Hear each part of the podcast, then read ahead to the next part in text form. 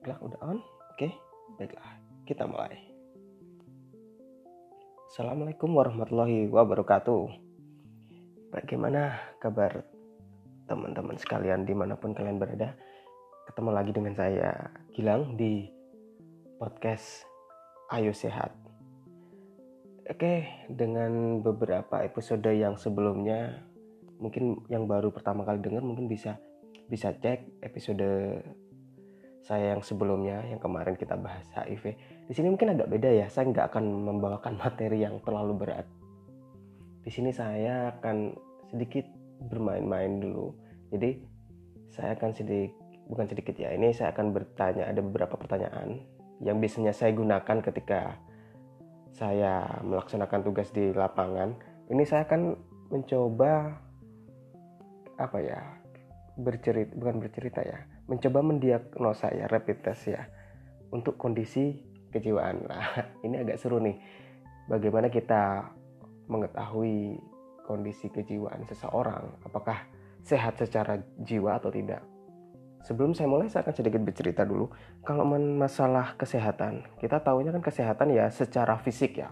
Dia itu sehat berarti dia nggak sakit dia nggak luka dia nggak istilahnya dalam tubuhnya dia kelihatan dia sehat nggak ada luka dalam atau apa tapi di lain sisi selain kesehatan secara fisik ya itu juga ada kesehatan yang perlu kita perhatikan itu secara kejiwaan. Dan ini sangat berkaitan erat. Dan bahkan kalau saya bilang kesehatan jiwa itu sangat berperan penting. Contohnya seperti ini.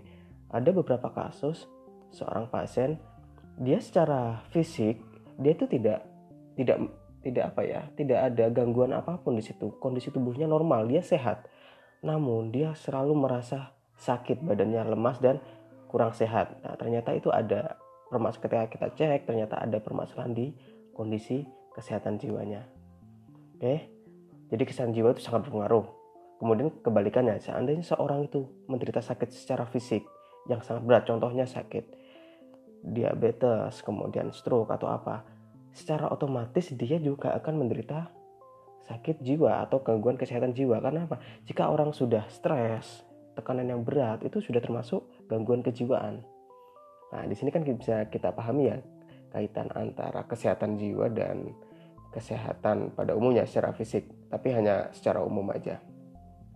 Baiklah, di sini akan kita mulai. Tujuan hari ini atau podcast kali ini saya akan memberikan beberapa pertanyaan ke rekan-rekan semua, teman-teman yang mendengarkan ini. Saya minta sebelum kalian menjawab pertanyaan saya. Kalian siapkan dulu alat tulis dan kertas. Oke, boleh alat tulis apa pun boleh. Kertas mau tulis di tembok boleh, terserah bebas. Yang penting kalian bahagia, oke? Oke, jadi nanti ada pertanyaan, pilihan jawabannya itu ada dua, ya atau tidak. Kemudian pertanyaan ini berhubungan dengan nyeri tertentu atau masalah yang mungkin mengganggu Anda selama 30 hari, 30 hari ke belakang ya. Oke, bisa kita mulai aja. Sudah disiapkan alat tulisnya? Sama kertasnya juga disiapkan? Oke, kita mulai. Pertanyaan pertama. Apakah selama 30 hari terakhir ini Anda sering menderita sakit kepala? Dijawab ya atau tidak. Oke, pertanyaan kedua. Apakah Anda selama 30 hari ini tidak nafsu makan? Nafsu makan berkurang atau nggak enak makan? Dijawab ya atau tidak. Pertanyaan ketiga, apakah selama 30 hari terakhir ini Anda sulit tidur? Ya, yang bukan yang kebiasaan begadang ya. Jadi mengalami gangguan tidur atau sulit tidur. Yang biasanya jam 9 udah tidur, sekarang sampai jam 1, jam 2 baru bisa tidur. Selama 30 hari terakhir, apakah Anda sulit tidur? Ya atau tidak? Oke, pertanyaan keempat. Apakah selama 30 hari terakhir ini Anda mudah takut? Nah, selama 30 hari terakhir ini Anda mudah takut ya atau tidak? Pertanyaan kelima, apakah selama 30 hari terakhir ini Anda merasa tegang, cemas, atau khawatir? Ya. Jadi kita merasa tegang atau sering merasa cemas atau khawatir dalam 30 hari terakhir ini. Dijawab ya atau tidak. Pertanyaan selanjutnya, pertanyaan nomor 6. Ini apakah selama 30 hari terakhir ini tangan Anda gemetar? biasanya kita namanya tangannya kita normal aja ya tapi kenapa apakah ada gangguan di bagian tangan anda itu sering gemetar 30 hari terakhir ini jawab ya atau tidak kemudian pertanyaan nomor 7 apakah selama 30 hari terakhir pencernaan Anda terganggu atau buruk? Hmm, dalam satu bulan terakhir pencernaan kita itu apakah terganggu atau buruk? Ya atau tidak? Oke, pertanyaan ke-8. Selama 30 hari terakhir, apakah Anda sulit berpikir untuk jernih? Bukan untuk jernih ya. Apakah Anda sulit berpikir jernih? Ya, jadi kurang fokus selama 30 hari terakhir ini. Sangat susah sekali untuk berpikir secara jernih. Jadi jawabannya iya atau tidak? Sudah dicatat? Baiklah, kita masuk ke 9. Selama 30 hari terakhir ini, Anda merasa tidak bahagia. Do you feel unhappy? Nah, seperti itu 30 hari terakhir ini. Jawabannya ya atau tidak. Kita lanjut ke pertanyaan nomor 10.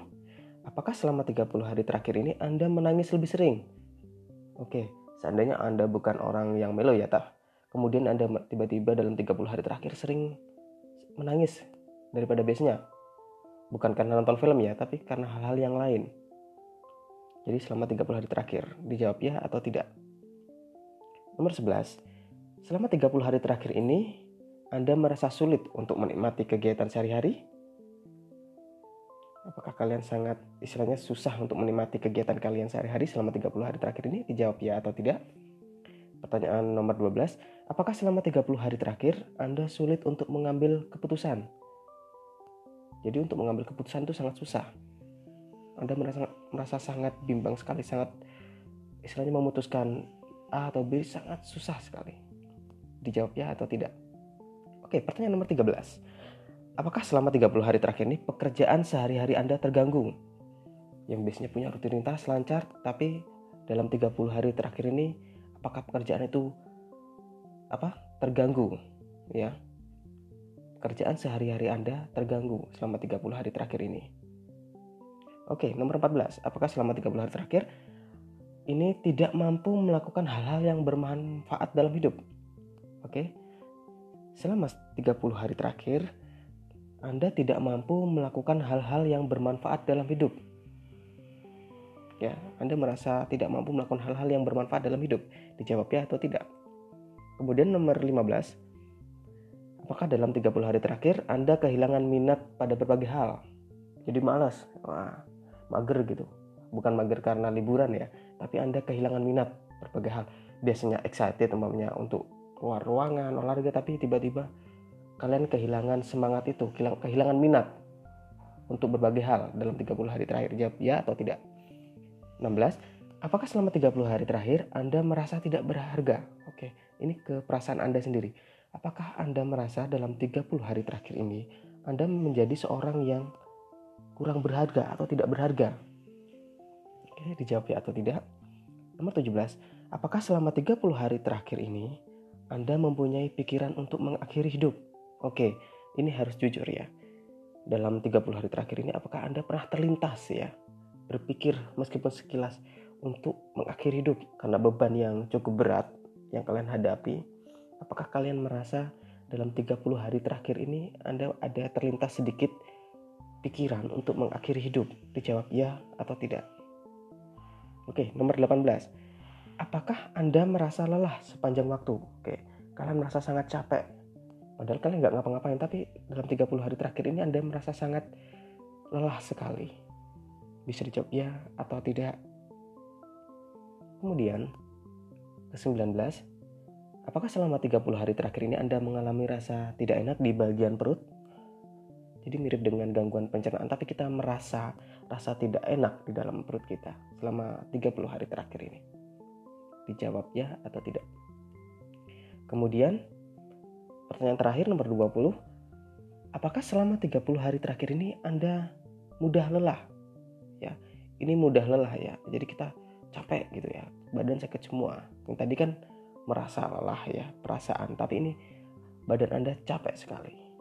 Di sini apakah selama 30 hari terakhir ini anda mudah lelah? Dijawab ya atau tidak. Jadi ketika biasanya menyapu kamar kosan tiba biasanya kuat aja ya bahkan sampai satu rumah disapu semua biasanya masih kuat tapi ini sedikit aja ternyata sangat capek sekali apakah anda merasakan itu dalam 30 hari terakhir ini? Dijawab ya atau tidak. Oke.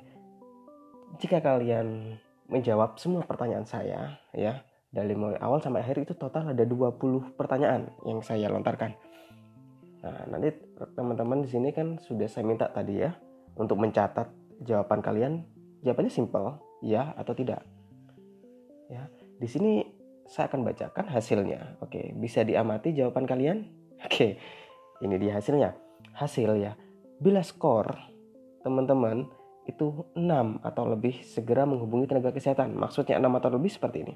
Jika ada nilai tidak ya. Apa? Nilai ya, maaf. Saya revisi lagi. Jika ada nilai ya, jawaban iya itu nilainya 6 atau lebih. Kalian harus segera menghubungi tenaga kesehatan terdekat untuk konsultasi ya. Bisa di puskesmas, di rumah sakit atau di psikiater juga boleh jadi yang saya lantarkan tadi itu sebenarnya adalah SRQ20. Suatu instrumen yang sudah standar dari WHO ya, yang biasanya kita gunakan untuk screening kondisi kejiwaan kita. Dan jika seandainya jawaban kalian itu 6 atau lebih, itu bukan berarti kalian langsung, wah aku gila, tidak. Karena kita tahu kondisi kejiwaan seseorang itu bisa naik, bisa turun ya.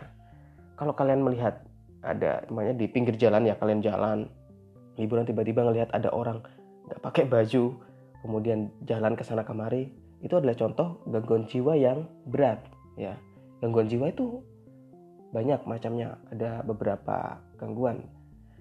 Ini yang kita gampangnya aja ya kita bagi biasanya ada gangguan jiwa berat apa jiwa berat dengan gangguan jiwa ringan kalau gangguan jiwa berat yang bisa sangat terlihat sekali yang di pinggir-pinggir jalan itu atau mungkin ada orang yang suka berteriak-teriak sendiri atau istilahnya dia itu secara sanitasi tubuhnya dia kayak nggak mandi kemudian itu paling gampang ya. Kalau kita melihat orang dengan gangguan jiwa yang di pinggir jalan tuh mereka pasti secara kondisi tubuh nggak bersih atau jarang mandi.